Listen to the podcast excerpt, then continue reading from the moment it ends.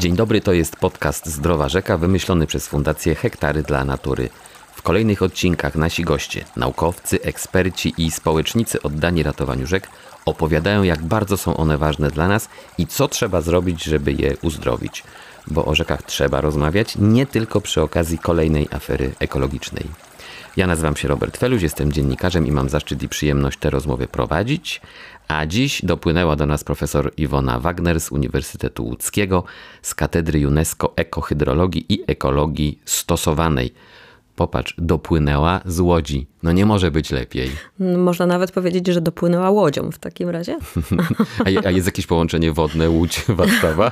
No coś by się znalazło, bo Łódź to takie ciekawe miasto, które leży na wododziale Odry, mhm. Odry i Wisły, mhm. więc y, można z Łodzi, można popłynąć w każdą stronę, można też do Wisły. To jest, i chyba nieprzypadkowo ta Łódź jest w herbie e, twojego miasta. E, pani profesor, e, e, to, to zabrzmiało tak groźnie, ale wiesz że, nie, wiesz, że nie będzie groźnie. W pierwszym odcinku mieliśmy pana profesora Mateusza Grygoruka. Rozmawialiśmy o tym, czym zajmuje się hydrologia, o obiegu wody w przyrodzie, o tym, jak nasze działania mogą ten, na ten obieg wpływać, dobrze oraz źle, oraz jakie jest miejsce rzeki w hydrologii. Ty robisz w ekohydrologii. I tu uwaga, błysnę e, możliwością kojarzenia, umiejętnością kojarzenia. Mm, nazwa sugeruje połączenie ekologii i hydrologii. Czy dobrze wykombinowałem? No brawo, tak. No, Bardzo dobrze. Prowadzący puchnie z dumy. A gość wyjaśnia. E, dobrze się też stało, że, że Mateusz e, miał pierwszy wywiad, ponieważ on świetnie e, pokazał to, co się dzieje z wodą w krajobrazie mhm. i powiedział też o tym obiegu wody. A obieg wody będzie mi potrzebny do tego, żeby wyjaśnić, czym jest ekohydrologia. No bo wiemy, jak ta woda krąży. Spada z deszczem, spływa w dół, odpływa rzeką, czasem paruje i dostaje się z powrotem do atmosfery. No i mniej lub bardziej, w zależności od wielu rzeczy, krąży w kółko, powiedzmy. Część odpływa wpływa. No i e, to jest takie bardzo fizyczne przedstawienie e, tego obiegu wody, ale tutaj dzieje się coś jeszcze. Otóż na granicy pomiędzy atmosferą a, a litosferą, czyli powietrzem a ziemią jest jeszcze taka cienka warstewka i to jest warstewka stworzona z mhm. przyrody, z tego co żyje. I ta przyroda, zwłaszcza roślinność w przypadku obiegu wody, jest niesamowicie ważna, bo ona może zmienić bieg wody, że tak powiem. To znaczy od tego, czy ta roślinność jest, czy jej nie ma, jaka to jest roślinność, jak bardzo złożona, będzie zależało, jak dużo wody zostaje w tym miejscu, gdzie spada deszcz, jak dużo jej wsiąka, jak dużo paruje, a jak dużo po prostu odpływa. A więc ten komponent ekologiczny mhm. może zmienić bardzo, bardzo wiele w obiegu wody.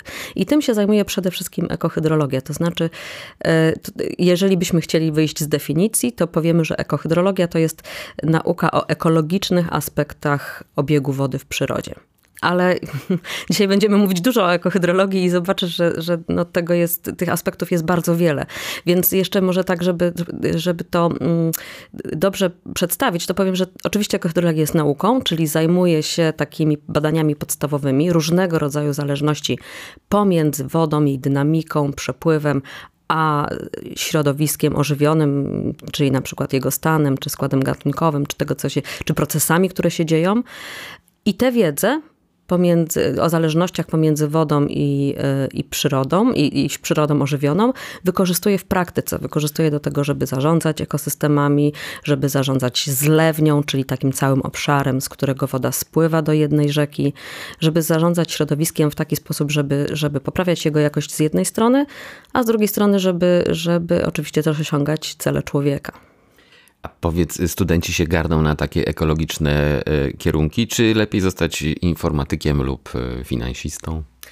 Chyba się nie garną, niestety, bo wydaje mi się, że to jest po pierwsze bardzo ciekawe, a po drugie, no, no jedna, jedna z najważniejszych rzeczy dzisiaj w XXI wieku, żeby te tę przyrodę zrozumieć i żeby naprawdę potrafić e, nią dobrze zarządzać, więc to jest bardzo ciekawe.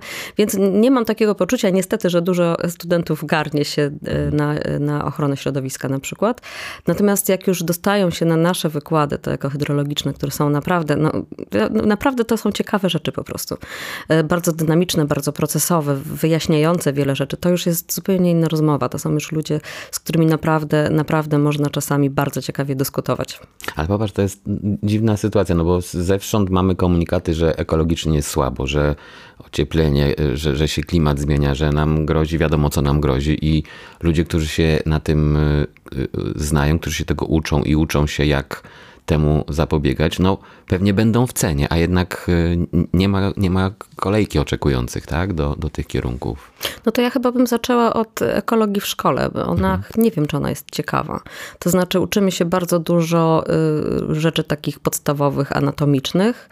To jest y, jakaś cała systematyka, budowa pantofelka i wszystkie inne rzeczy. Mhm. Do pewnego momentu to jest świetne, jak jesteśmy dzieciakiem, bo fajnie widzieć pantofelka przez, nie wiem, szkiełko. Mikroskop. Natomiast, natomiast później wydaje mi się, że ona, no oczywiście to zależy od nauczyciela, ale często staje się dosyć uproszczona. Natomiast tak naprawdę to jest e, ogromna wiedza o bardzo różnych ciekawych e, rzeczach.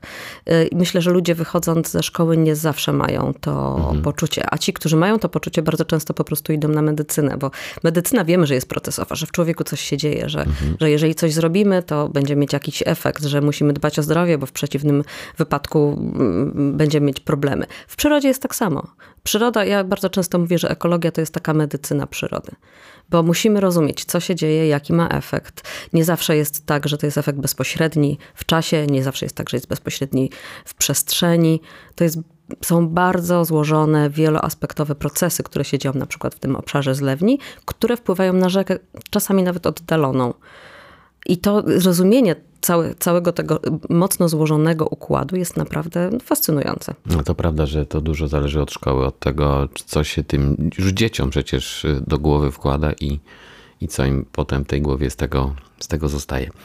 Y, już trochę mówiliśmy o Twoim mieście, o Łodzi. To miasto wyjątkowe, bo y, nie ma dużej rzeki, y, tak jak, nie wiem, mój Kraków i Warszawa, jak, jak Wrocław i jego Odra, ale mm, przecież Łódź położona jest, o czym już wspomniałeś, na wododziale do rzeczy właśnie Wisły e, i Odry.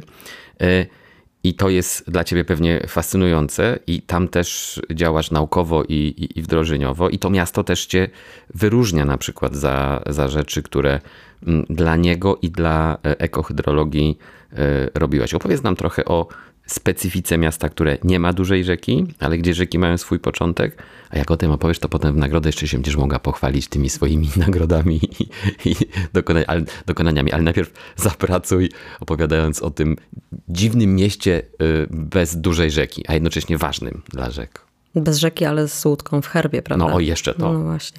No tak, no to, to jest y, właściwie ciekawa opowieść, ponieważ y, jeżeli miasto leży na wododziale, to znaczy, że y, jest pochylone w dwóch kierunkach, w kierunkach powiedzmy dwóch zlewni, czyli część wody odpływa w jedną stronę, część wody odpływa w drugą stronę.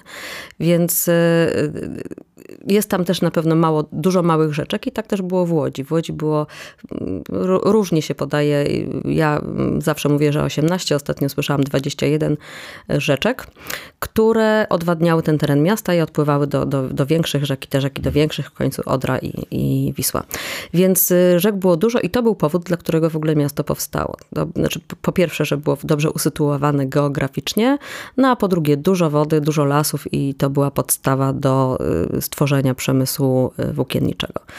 E, więc Łódź, miasto zbudowane na rzekach, z czasem, kiedy się rozwijało, te rzeki też zabudowało, włożyło pod ziemię, skanalizowało. One w większości są częścią systemu kanalizacji ogólnospławnej albo kanalizacji deszczowej i tylko naprawdę nieliczne fragmenty tych rzek na obrzeżu miasta są, e, że tak powiem, na wierzchu, są widoczne. Więc to jest już problem ciekawy sam w sobie, ponieważ tutaj dochodzi cała hydrologia czy ekohydrologia miejska, która powoduje, że ten sam opad, który zdarzy się w terenie naturalnym czy półnaturalnym, a w mieście, no to są zupełnie dwa, dwa różne efekty. W terenie naturalnym ta woda po prostu wsiąka, y, pozostaje na roślinności i, i, i nie powoduje większych problemów, natomiast w mieście już może powodować na przykład y, bardzo poważne podtopienia, paraliż miasta. Widzimy te samochody tak. po, pozalewane po, po połowę drzwi. Więc y, tutaj zmieniło się wszystko w dynamice tego miasta i nad tym przede wszystkim pracujemy. Pracujemy nad miejskimi rzekami oczywiście, nad ich renaturyzacją, na ile to jest możliwe, ale to są oczywiście bardzo trudne procesy w terenach miejskich. To jest teraz ten moment, kiedy się chwalisz już? Nie, jeszcze Patrz, nie. Opowiadaj. Po prostu mówię, co robimy. To jest No. po prostu. I za co jesteś nagradzana? To jest po prostu nagrod, to jest po prostu robota, którą lubię, więc, więc to właśnie robimy. Patrzymy na rzeki, jak im pomóc, jak, co, co zrobić, żeby były czystsze. To trochę właśnie, to jeżeli już mam się chwalić, to wolę mówić o tym, o, o, o konkretnej robocie, bo Mhm. zrobiliśmy parę fajnych projektów w Łodzi. Pierwszym takim projektem to było, Boże, on się zaczął w 2006 albo 2005 roku? No dawno w każdym razie. E, Czy nie, w 2006 się skończył. Nie, dobrze, nieważne. W każdym razie projekt nazywał się Switch i to był pierwszy taki duży projekt dotyczący rzek w miastach, w Polsce w ogóle. To był duży projekt europejski, 26 państw z całego świata e, i bardzo dużo się wtedy, się wtedy wydarzyło. E, Między innymi zrobiliśmy na rzece Sokołówce w Łodzi taki system do doczyszczania wód opadowych, ale system, który wykorzystuje roślinność, czyli nie jest po prostu oczyszczalnią ścieków, tylko jest takim zbiorniczkiem półnaturalnym, w którym teraz w ogóle mieszkają kaczki. On się zrobił takim fajnym stawem, ale przez niego przepływa rzeka i się po prostu doczyszcza. I później następowały kolejne projekty, w których ten pomysł doskonaliliśmy. Na przykład y, projekt na Arturówku, on się nazywał Ech, Echrek. Y, Stawy na Arturówku to jest takie ważne miejsce dla łodzian, bo to są fajne stawy takie rekreacyjne, do których duża część łodzian po prostu przy, przyjeżdża latem, jak nie wyjeżdża na wakacje, ale one były niebezpieczne, bo one były po prostu, one kwitły, znaczy kwitły sinice, sinice są kancerogenne, toksyczne, tak. no ale to, to mm, nikogo nie odstraszało od tego, żeby w gorące lato się wykąpać. I my postanowiliśmy zrobić projekt, który zmieni tę sytuację, poprawi jakość y, wody w tych zbiornikach. Trwał 5 lat. E, Bardzo dużo się wydarzyło w tym projekcie, ale między innymi właśnie wzięliśmy to rozwiązanie z Sokołówki i tutaj udoskonalaliśmy. Były zrobione strefy buforowe, czyli takie, takie strefy roślinności wokół zbiornika. Ta roślinność podczyszcza wodę.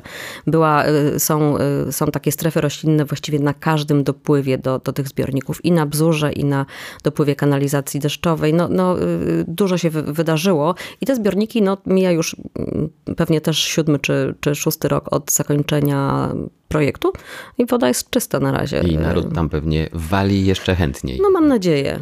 Mam nadzieję, tylko że to też trzeba wiedzieć, że to nie są systemy, które będą y, y, y, funkcjonowały w nieskończoność bez żadnego wysiłku z naszej strony. Wiadomo, że to jest system miejski, bardzo zmieniony, mocno zanieczyszczony, więc te systemy przyrodnicze też one nie, nie mogą ciągle funkcjonować bardzo dobrze. Trzeba je wspomagać.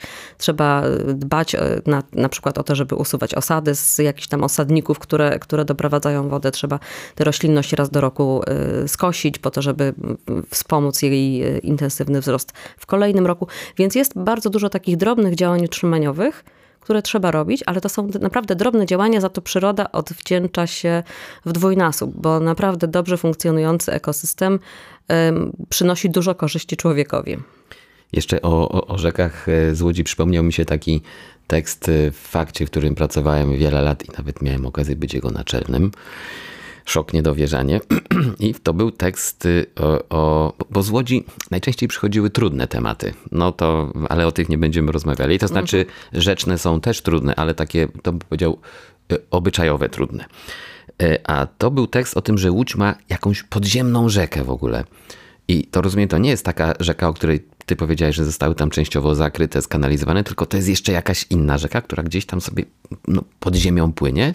Nie znam tego, tego faktu akurat. Ale tych rzek podziemnych jest, no tak jak powiedziałam, 18. On, to są czasami naprawdę ogromne kanały, to znaczy można do nich wejść na stojąco w kilka osób i po prostu po nich wędrować pod miastem. Więc być może tego doczy, dotyczył ten, ten news. E, Więc tak, no w ogóle Łódź jest miastem na, na rzekach, ale te rzeki są pod spodem. No i jak tą łódkę tam wprowadzić? No tak, to byłoby trudne. Y, Słuchaj, mówiliśmy trochę o szkole, o tym, jak y, ona jest ważna y, w, w takim procesie przekonywania dzieci, że ekologia to nie jest coś takiego kosmicznego, tylko to jest coś, co nas powinno naprawdę dotyczyć i czy, czym się powinniśmy zajmować. To może taka powtórka z biologii mm, z klasy ósmej. Co, co to jest ekosystem? Z czego się składa? Jak funkcjonuje? Jaka w nim rola człowieka? Y, No i, i, i właśnie jak trzeba tych naszych, tą naszą y, młodzież, no młodszą już, bo, bo ze starszą to jest za późno, y, kształcić, żeby ona dobrze zrozumiała zasady funkcjonowania mm, w ekosystemie i procesy w nim zachodzące. Mhm. No po, po pierwsze to mnie zmartwiło, że to jest dopiero ósma klasa. Mam nadzieję, że wcześniej, Za albo późno, powinno nie? być. No tak, to człowiek powinien mieć chyba od urodzenia taką, e, takie poczucie, że funkcjonuje w jakimś systemie, nie wiem, naczyń połączonych, że wszystko od wszystkiego zależy. I właściwie o tym też jest ekosystem, bo w szkole nauczymy się takiej rzeczy. Ekosystem to jest e, jego część ożywiona i nie, nieożywiona. Ta nieożywiona to biotop, czyli skały, wody, nie wiem, podłoże, na którym wszystko się dzieje. I ożywiona, no to są organizmy, rośliny, zwierzęta, bakterie, grzyby, cała, cała masa różnych, różnych gatunków.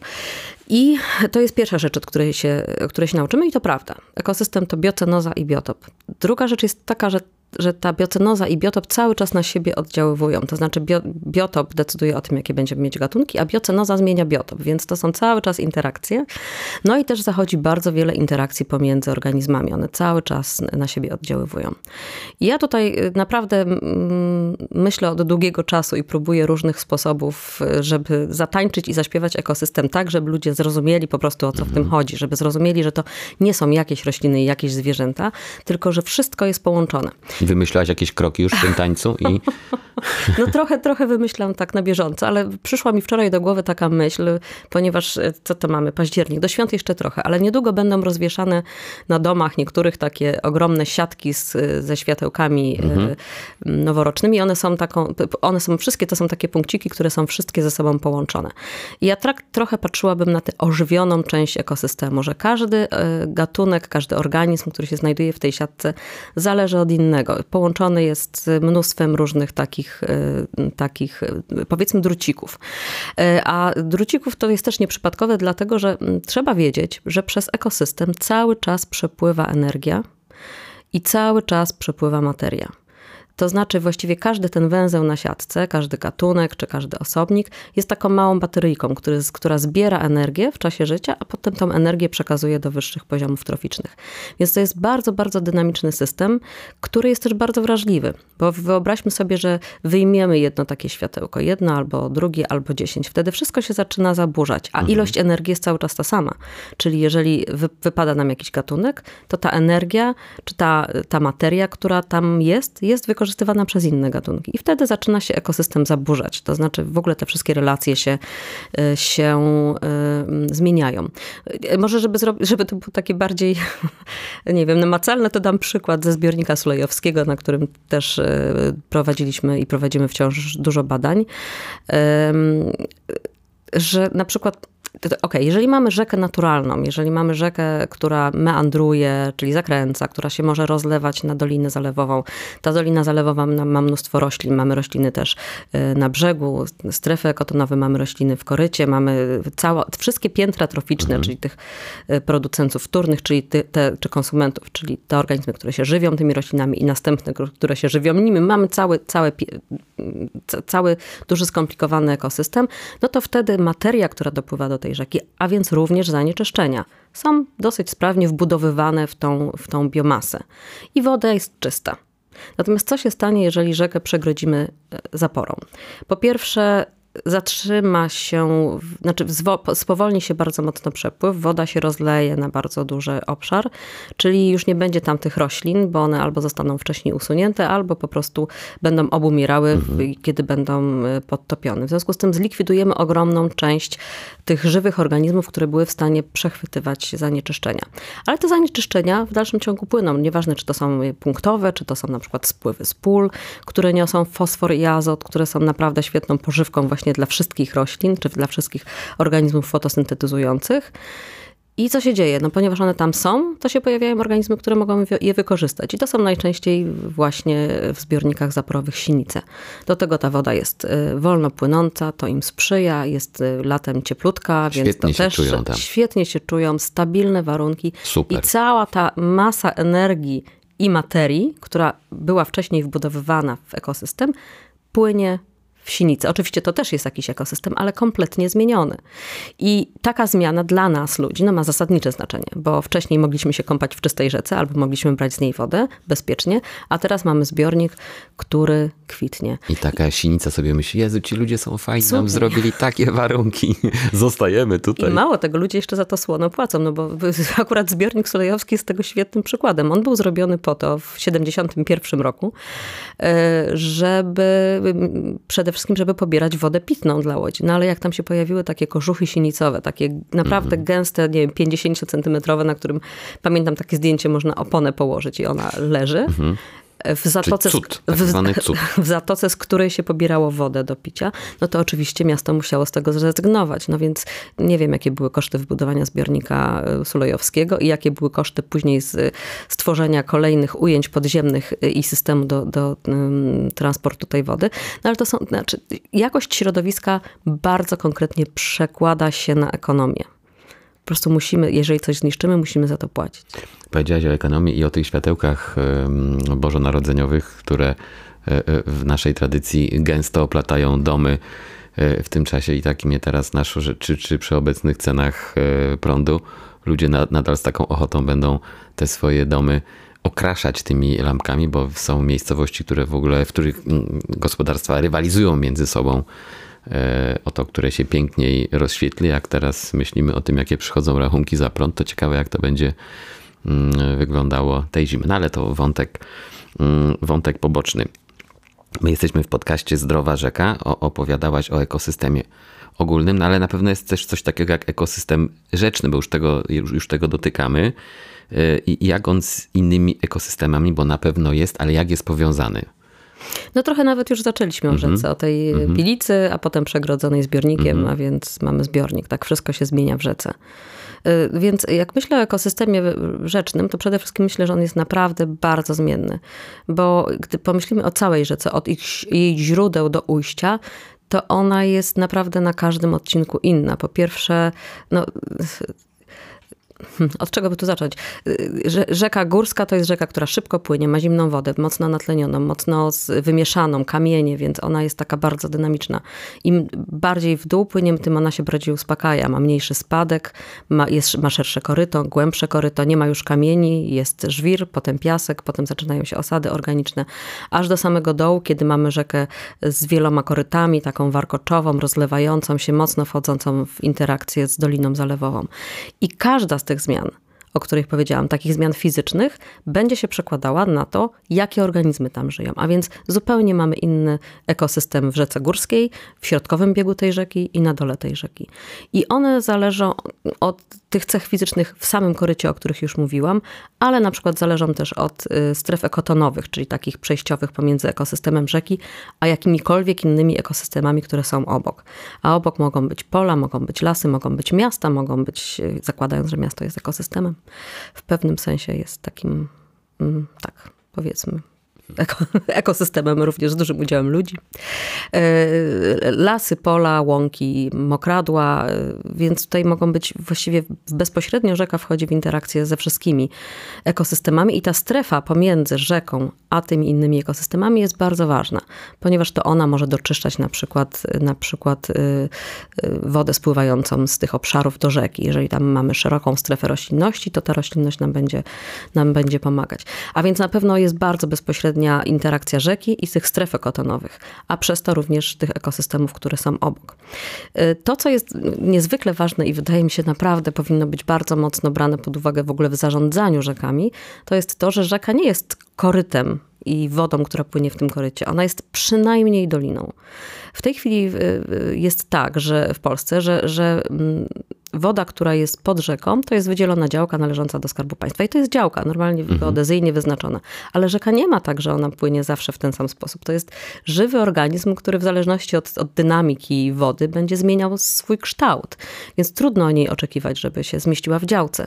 Tak naprawdę rzeka dla mnie rzeka jest prawie że równoznaczna z doliną. Rzeka i dolina to jedno, bo dolina to jest rzeka tylko przy wysokim stanie wody. Mhm. Więc ja e, widziałabym to w ten sposób, że rzeka powinna być wyznaczona e, krawędzią doliny No problem oczywiście jest tylko taki, że my już te doliny bardzo mocno zajęliśmy, bardzo mocno weszliśmy w te rzeki. Nawet mieszkamy tam. Nawet mieszkamy tam, I a potem się dziwimy, że jesteśmy nas, zaskoczeni. że nas, o, zalało nas. że rzeka do nas przyszła No po prostu, bo to kurde, jest jej, no jej miejsce, bo, to, bo, bo dolina jest rzeką. Czy myśmy się wprosili do niej? Wprosiliśmy się do rzeki, bez, be, chyba bez pytania raczej.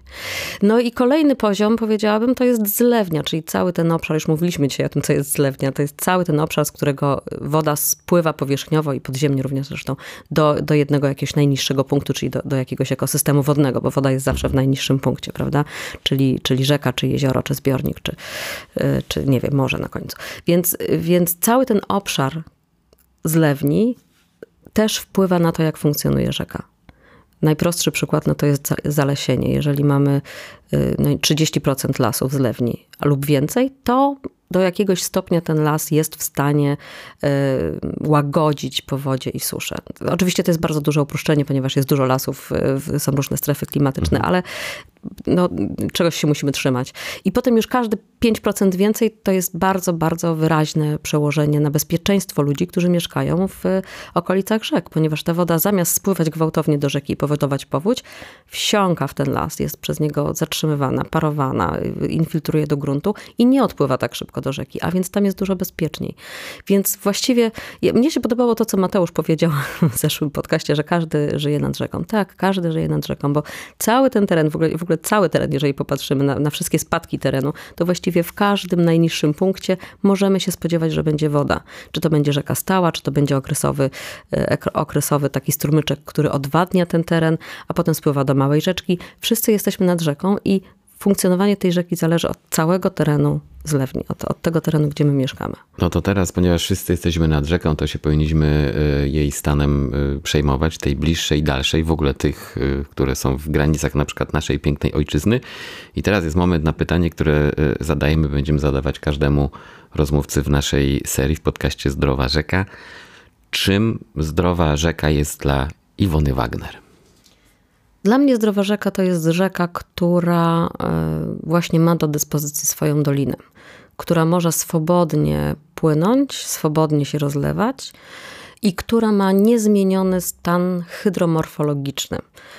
Stan hydromorfologiczny to znaczy, że nie ingerujemy w jej fizyczną strukturę, nie umacniamy brzegów, nie wypłaszczamy dna, nie pogłębiamy tej rzeki.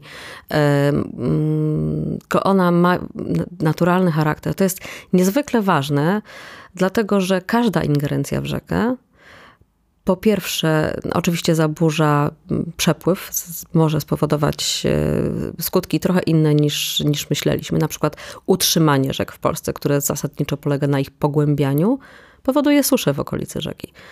E, Więc tutaj są takie, takie, takie rzeczy, jest ich wiele, które mogą być nieoczywiste dla osoby, która właśnie akurat przyjechała z koparką, bo postanowiła po prostu pogłębić e, strumień, który płynie, czy tam, czy tam jakiś ciek, który płynie koło, koło domu. Więc to musi być e, rzeka, która ma tą dobrą strukturę hydromorfologiczną. Również dlatego, co powiedziałam na początku, że to jest bardzo dynamiczny system przyrodniczo. Jeżeli mamy uproszczoną strukturę morfologiczną, to rośliny nie mają się gdzie zaczepić, nie mają gdzie żyć. Jeżeli nie ma roślin, które też już mówiliśmy, że to jest takie podstawowe piętro troficzne, to nie ma też kolejnych, y, kolejnych y, tych pięter troficznych. Nie, ma, nie buduje się cała ta siatka światełek z przepływem energii i materii. No ale jeżeli ona, ona tam nie powstanie, no to wtedy bakterie nie mają takich, y, takich wymagań, że muszą się gdzieś przyczepić. To znaczy iść wszy- cały ten, ten ładunek idzie w takie rzeczy, których nie chcemy mieć w rzekach, w bakterie, w sinice. A mówisz o rzece, że to jest rzeka i jej dolina, tak? To jest jej miejsce, w którym, po którym ona może sobie hasać. Najczęściej jest w swoim takim korycie tym podstawowym, ale może sobie y, wychodzić na spacery y, w lewo, w prawo, bo to jest y, jej miejsce. No to czy, czy rzeka bardzo cierpi w miastach dużych, które, przez które przepływa, tak jak moja ukochana Wisła? Znaczy moja ukochana to jest Krakowia, nie Wisła Kraków, ale wątek sportowy, ale moja ukochana rzeka Wisła, ona jest y, w Krakowie jest ujarzmiona no, pięknymi bulwarami, tak, historycznymi od jeszcze tam z ceka czasów y, w Warszawie. y, Ale w Warszawie to jest już różnie, bo jest dużo też takich pięknych fragmentów niewybetonowanych, wzdłuż których można przejechać, nie wiem, rowerem. Pamiętam moje pierwsze, przepraszam za trochę prywaty, wrażenie, jak tutaj się sprowadziłem do Warszawy. Był to 2003 rok, trzeci bym powiedział, jako Krakus. i pierwsze wyjście po praskiej stronie na, e, nad Wisłę, która ma plażę, gdzie jest Mhm. piasek w ogóle, Tak. taki naprawdę ładny. E, No to w Krakowie nie ma takich, chyba że łacha wyjdzie, jak jest niska woda na, na zakręcie przy moście Dębnickim, ale to jest taka obrzydliwa łacha. To, czy, czy, czy te rzeki cierpią w miastach tak, takie wy, wybetonowanym korytarzem poprowadzone i czy w ogóle na przykład jest w czyichś głowach, w czyichś wizjach taki pomysł, my po kawałku te bulwary rozwalajmy, niech ta woda sobie tam, czy, czy Odra we Wrocławiu sobie popłynie znowu swobodnie. No to nie wiem, w mojej głowie nie ma, nie ma takich pomysłów. znaczy, ja uważam, że no, rzeka dla naszego bezpieczeństwa, ona musi mieć swobodę, musi mieć dostęp do doliny, bo żaden zbiornik na rzece, który może mieć, nie wiem, kilkadziesiąt milionów metrów sześciennych pojemności, to jest mało, nie zastąpi doliny, która ma setki razy więcej. Więc jeżeli chcemy być bezpieczni powodziowo i suszowo, to te rzeki muszą być naturalne. Ale oczywiście, że są takie miejsca jak miasta, gdzie na to nie możemy sobie pozwolić. I t- ten kompromis y, wypracowany w Warszawie, no dla mnie jest cudowny. To, że mamy po jednej stronie te bulwary, które są chyba słynne. najbardziej tak popularnym miejscem imprezowym w Warszawie, Tak. a z drugiej strony mamy, y, no, powiedzmy to w cudzysłowie, dziką dolinę, prawda? Bo ona no, jest powiedzmy, że No, półnaturalna, sobie- jakoś jest przekształcona, ale to jest naprawdę miejsce dla przyrody.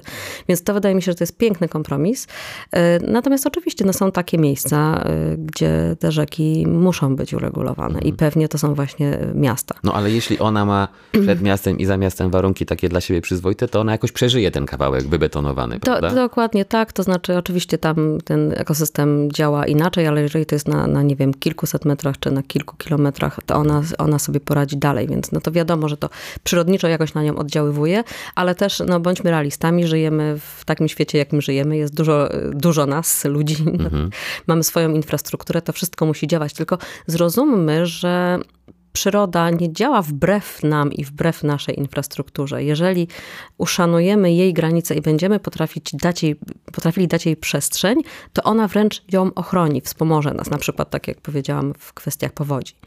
I ujarzmianie rzeki, jeszcze to muszę powiedzieć, bo to mnie jakoś bardzo boli, że my mamy w ogóle w gospodarce wodnej taką y, narrację półwojenną, prawda? Y, uregulować, y, przegrodzić, ujarzmić, jest katastrofa. Zniewolić. Tak, to, to, jest, to jest cały czas jakaś narracja takiej, takiego, tej próby pod, podporządkowania, narracja taka właśnie bojowa.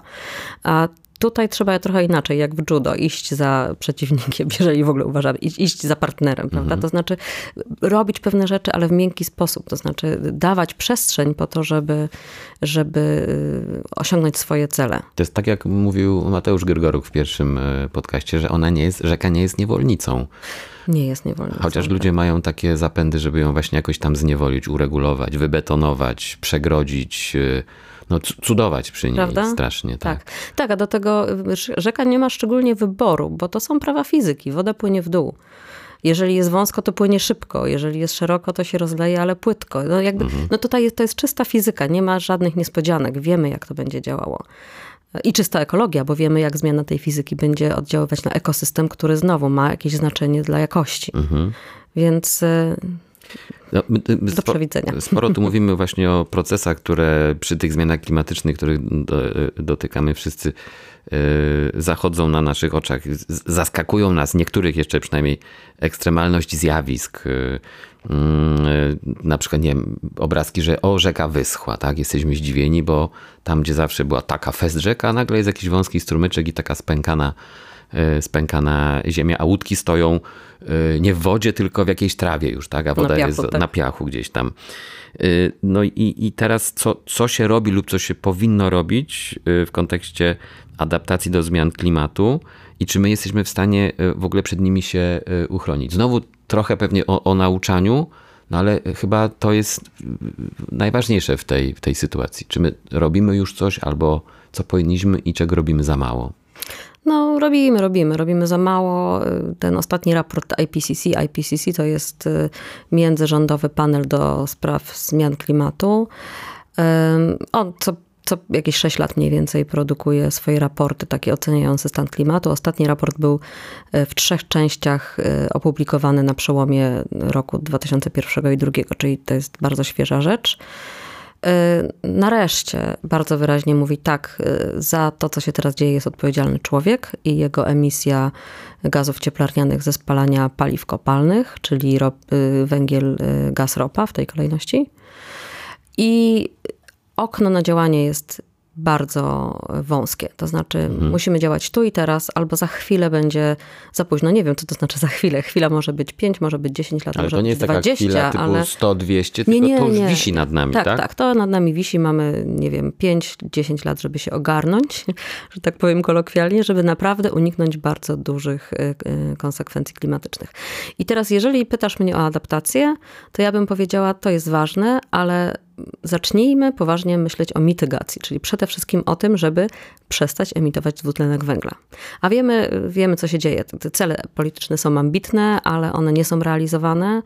Nawet te, które są realizowane, nie mm, prowadzą do jakiegoś dużego sukcesu, niestety. No a w tej chwili, jeszcze w obliczu problemów z zaopatrzeniem w energię na mhm. najbliższą nadchodzącą zimę, no wydaje się, że w ogóle wszelkie cele mm, klimatyczne odeszły w niepamięć, ponieważ no, najważniejsze jest pozyskanie e, właśnie tych paliw kopalnych, żeby, żeby czasie tej zimy o, się ogrzać. Y, pozyskanie wszystkiego poza oponami, żeby się y, tak, ogrzać. nie zatruć tak? do końca, tak. Ale to, to, jest teraz chyba trochę takie przyzwolenie, że no możemy wrócić, nawet jak ktoś był już na dobrej drodze i przestał mm, palić tym, czym się nie powinno, żeby, no dobra, jest, będzie zimno, nie ma węgla, albo jak jest, to jest bardzo drogie, albo kiepskiej jakości, więc ja wracam do mm, Opon. Ta, no opon może nie, ale do tak zwanej y, góralskiej segregacji śmieci, czyli na te, które się pali za dnia i w nocy. Chyba będziemy mieli duży krok teraz do tyłu, prawda? No, boję się tego. Uważam, że to byłoby, to byłoby bardzo źle. To znaczy, no tutaj oczywiście powinno być jakiś, powinien być jakiś pomysł wspierający jednak y, ludzi y, w tym kierunku, żeby, żeby, no, żeby się działo inaczej niż, niż mówisz, ale obawiam się, że tak nie jest. Obawiam się, że w ogóle nawet polityczne y, y, y, priorytety w tej chwili, nie mówię tutaj o Polsce, ale mówię też mhm. o całym świecie, są takie pozyskać paliwa kopalne, prawda? Więc tutaj ja liczyłam na to jeszcze w lutym. Nawet jestem też sekretarzem interdyscyplinarnego zespołu do spraw kryzysu klimatycznego przy prezesie PAN i my tam co jakiś czas produkujemy takie, takie komunikaty. I w lutym, w lutym wydaliśmy taki komunikat y, właśnie o wojnie w Ukrainie i kryzysie klimatycznym, w którym podkreślaliśmy, że to jest taki moment, że można będzie podjąć jakąś decyzję i Tą dobrą decyzją będzie przyspieszenie działań w kierunku odnawialnych źródeł energii i szybszego od, odjechania do przodu, mhm. odejścia z tym pomysłem, żeby się uniezależnić faktycznie od źródeł kopalnych. No to było w lutym, teraz mamy październik, y, niewiele się wydarzyło w tym kierunku i w tej chwili już rozmawiamy o tym, żeby pozyskać jeszcze więcej y, paliw kopalnych. No one oczywiście przełożą się na większą emisję. Większa emisja do atmosfery przełoży się na, na y, większy wzrost temperatury globalnej a wzrost temperatury globalnej przekłada się na wszelkie inne procesy y, w klimacie. No to znowu mhm. jest ten system naczyń połączonych, tak samo jak w ekosystemie. Więc y, zmiany temperatury, zmiany rozkładu opadów, zmiana wielkości opadów, y, wyższa temperatura to też wyższe parowanie, czyli susza. No, naprawdę tych ekstremów doświadczyliśmy przez ostatnich 20 lat wiele. To były najbardziej suche lata w, w historii pomiarów, ale równocześnie powodzie, które się wydarzyły Y, są bardzo tragiczne. Wprawdzie w Polsce nam ostatnio ich y, y, na szczęście zaoszczędzono, no ale widzieliśmy, co się działo w zeszłym mhm. roku. Niemcy, Belgia, w tym roku w Azji, no, w Pakistanie, tak dokładnie. Więc, więc no, no, te ekstrema są już w tej chwili bardzo niebezpieczne, a będą się nasilać. Ale popatrz, wystarczy, że spadnie, tak jak kilka dni temu, już całkiem sporo śniegu na Kasprowym, nawet też na Śnieżce już tam trochę przybieliło nawet jest minus tam dwa, z tego śniegu jest kilkanaście centymetrów i od razu no wystarczy przelecieć się po Twitterze ocieplenie globalne, patrzcie jaka zima, ej, co wy tam mm. wymyślacie? No i wiadomo. No nic na to nie poradzę. Te narracje są różne. I no, tak samo jak przeżyliśmy antyszczepionkowców, tak samo musimy jakoś sobie radzić z, z denialistami klimatycznymi, ale to jest faktycznie szkodliwe. Ja nie wiem, nie wiem kim są osoby, które, które idą w tę stronę, ale chyba też widzą, co się dzieje na przykład latem, prawda? No może, może, A może nie, nie może nie. Może mają taką umiejętność zaprzeczania. Ale do, na, szczęście, na szczęście poza osobistymi wrażeniami mamy też pomiary naukowe i one są absolutnie jednoznaczne. Klimat się ociepla, jest to związane z działalnością człowieka. Stężenie dwutlenku węgla w atmosferze rośnie i jeżeli tego nie powstrzymamy, możemy się spodziewać naprawdę nasilenia bardzo y, dużego tych wszystkich ekstremów. A w przypadku, już teraz do rzek wróćmy, y, o czym się za mało mówi, jak chodzi o, o ich ratowanie?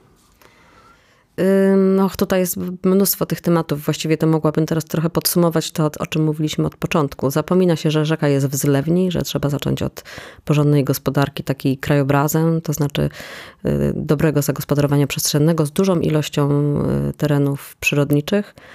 Drugie to, że rzeka współdziała z doliną, no to wszystkie plany zagospodarowania przestrzennego o tym zapominają, wydając pozwolenie na budowę właśnie w obszarze dolin. E, a po trzecie, że rzeka nie jest tylko kanałem przewodzącym wodę, tylko że to jest właśnie cały system żywy, cały system przyrodniczy i przy tych y, zmianach klimatycznych, które w tej chwili występują, to będą systemy, które będą najdłużej się prawdopodobnie, chociaż teraz przy tych suszach zaczynam mieć wątpliwość, ale no jednak mam takie przekonanie, że to są systemy, które najdłużej będą taką ostoją bioróżnorodności, bo to jednak jest takie miejsce najniższe w krajobrazie, więc ta woda mniej lub bardziej w tej rzece będzie. No, Iwono, nie sposób nie porozmawiać o Odrze, tak? No bo to jest dramat taki no dawno już niewidziany na, na, na polskich rzekach. Mm, właśnie tam komisja nasza wybadała, że to wszystko przez te złe y, złote algi, które w ogóle są tak y, obrzydliwe i perfidne, że y, obecnie tam działający system monitoringu no nie wychwycił, że one tam już sobie grasują. A to, że tam wędkarze, rybacy wcześniej mówili, że coś się złego dzieje, to tam sobie tak pogadali.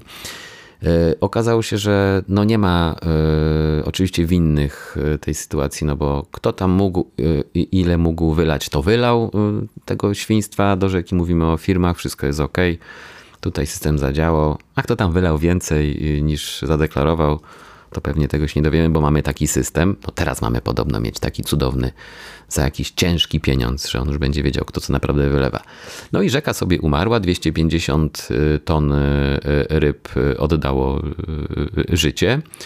E, I, no i co teraz mamy zrobić z tą odrą? Bo ja już słyszę, że generalnie wszystko jest w porządku, ona już sobie radzi, już zasadniczo, no w przyszłym roku to już tam się kąpiemy, wędkujemy, te sumy, już mamy pełno tych dwudziestoletnich sumów, które tam jeszcze się nawet nie narodziły.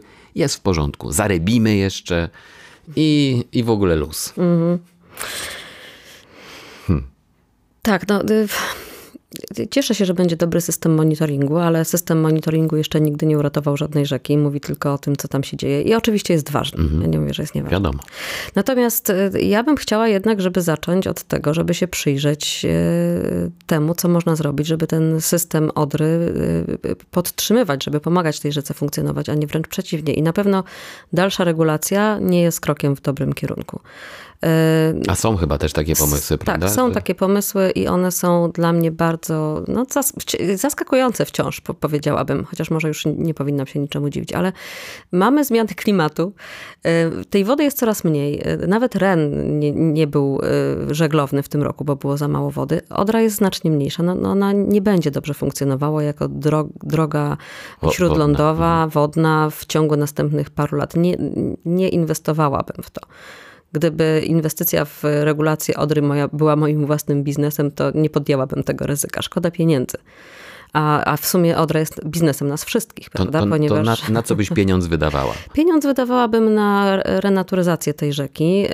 Y, mamy krajowy program renaturyzacji wód powierzchniowych, bardzo dobry, y, który każdą rzekę w Polsce opisał pod kątem tego, jakie działania renaturyzacyjne są potrzebne, żeby tę rzekę przywrócić do, do życia. I takie działania są również y, opisane dla Odry, więc mamy ten dokument i ja bym wreszcie chciała zobaczyć, że go wdrażamy, a nie jest tylko dokumentem, który leży w szufladzie. Oczywiście y, oznacza to rezygnację z planów żeglugowych, ale on i tak ta rezygnacja prędzej czy później przyjdzie wraz z suszami. Mhm. Natomiast odtworzenie systemu naturalnego tej rzeki sprawi, że chociażby w przyszłości będzie sobie lepiej radziła z tymi zanieczyszczeniami, które które nam płyną z góry. No bo bo, bo będą, bo y, to na pewno trzeba iść w kierunku też ograniczenia zanieczyszczeń. Na przykład no, dużo się teraz mówi o gospodarce obiegu y, zamkniętego. To samo powinno się stosować w obiegu wody. No, y, maksymalnie często, znaczy maksymalnie dużo razy wykorzystać tę samą wodę mhm. w procesie produkcyjnym, natomiast nie odprowadzać jej tak szybko, bo oczywiście ona będzie zanieczyszczać zawsze. Więc z jednej strony ograniczać zanieczyszczenia, z drugiej strony odejść od planów regulacji, no i z trzeciej strony wzmocnić wzmocnić ten system przyrodniczy, żeby rzeka mogła sobie dawać radę w tych naprawdę trudnych warunkach. Jak chodzi o to ograniczanie zanieczyszczeń, to chyba też trzeba się przestać, przepraszam, certolić, ale tych łobuzów, których się przyłapie na czymś złym, po prostu, e, ale tak porządnie karać, żeby oni zrozumieli, że to się nie opłaca, bo w tym momencie się opłaca za jakieś parę złotych jakieś świństwo wylać do rzeki. Mhm. Y, no bo tak zawsze robili, więc e, będziemy dalej wylewać. Jak to zaboli finansowo, to może pomyślą, cholera, może zróbmy taki system, który nam tę wodę na przykład pozwoli parę razy tak użyć, potem jakoś na końcu jednak oczyścić i dopiero wylać. No to są oczywiście też inwestycje, więc one no. też bolą, ale to pewnie należałoby raczej wesprzeć tego typu inwestycje. Oczywiście karać, te, no chyba tak, no chyba tak. I wesprzeć tego typu inwestycje niż, niż te pieniądze przeznaczać na dalszą regulację, Właśnie, bo ona bo, na pewno bo, bo nie pieniądz pomoże. na rzekę jest gdzieś do wyciągnięcia, prawda? Tylko może go niedobrze wydajemy. Myślę, że można byłoby go wydać znacznie lepiej, tak.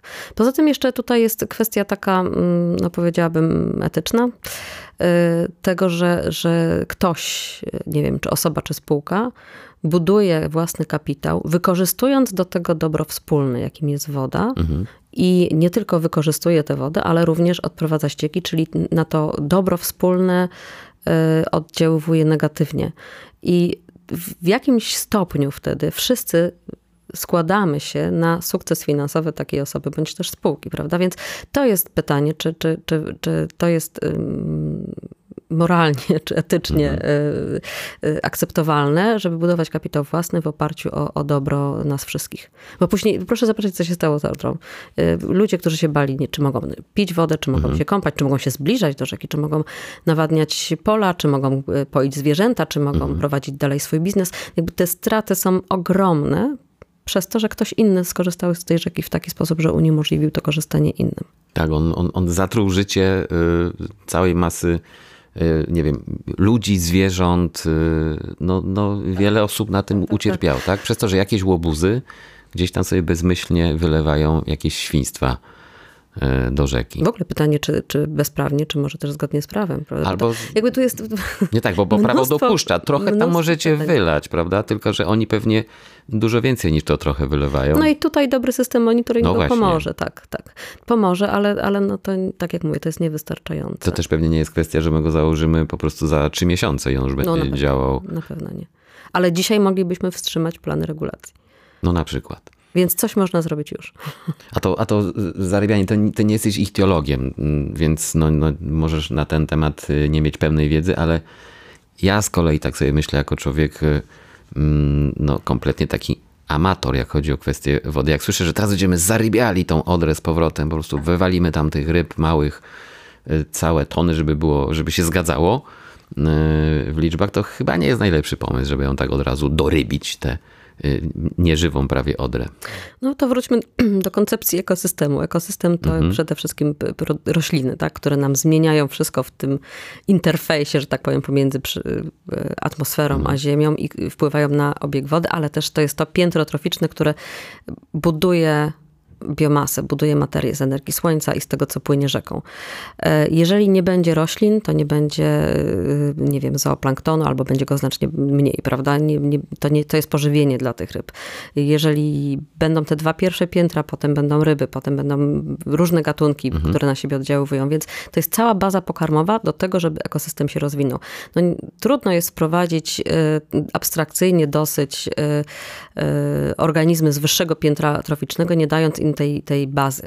A ta baza w uregulowanej rzece jest naprawdę bardzo mikra. Więc znowu, oczywiście trzeba będzie zarybiać, natomiast trzeba się dobrze zastanowić, w którym momencie, oczywiście jakimi gatunkami, jak dużymi osobnikami, żeby to było, żeby to, te, ten, ten y, wysiłek szybko zaczął, zaczął dawać efekty. Natomiast na pewno w, znowu stworzenie przestrzeni dla tych ryb, żeby one mogły żyć i mogły mogły żerować, żeby mogły się rozmnażać, jest kluczowe. Jeżeli jej nie będzie, no to to będzie znowu bardzo trudne. Nie można ich tam dosypać nie wiadomo e, ile, nie, nie mając pewności, że one będą miały co jeść, no tak upraszczając, no prawda? No chociażby. No poza tym jednak spodziewajmy się, że takie sytuacje też mogą e, nadmiernego zanieczyszczenia się przydarzać i jeżeli już ta rzeka no, chwilowo jest uregulowana, to chociaż, chociaż niech, mam nadzieję, że chwilowo, żeby kiedyś będzie zrenaturyzowana, to chociaż niech one mają możliwość jakiejś ucieczki w bok do, do dopływów, tak mhm. żeby móc się schronić, bo jeżeli to zanieczyszczenie płynie głównym korytem, ryby uciekają, no one też y, y, chronią głupie. życie, no one chcą przeżyć. Mhm. Więc w tej katastrofie się y, po prostu kotłowały w portach, bo tam tego zanieczyszczenia było trochę mniej, ale to ich nie uratowało ostatecznie. One muszą mieć szansę ucieczki. Uregulowana rzeka nie daje szansy ucieczki nikomu. Takie trochę, taka śmiertelna pułapka, prawda? Śmiertelna pułapka.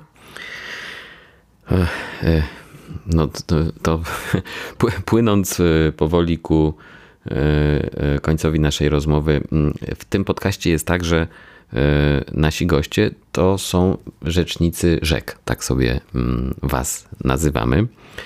No i teraz pani profesor Iwono, jako mm, rzecznik rzek, gdyby cię zapytać o to, co polska rzeka by nam chciała powiedzieć, to co ty byś powiedziała w jej imieniu? Co by nam chciała powiedzieć?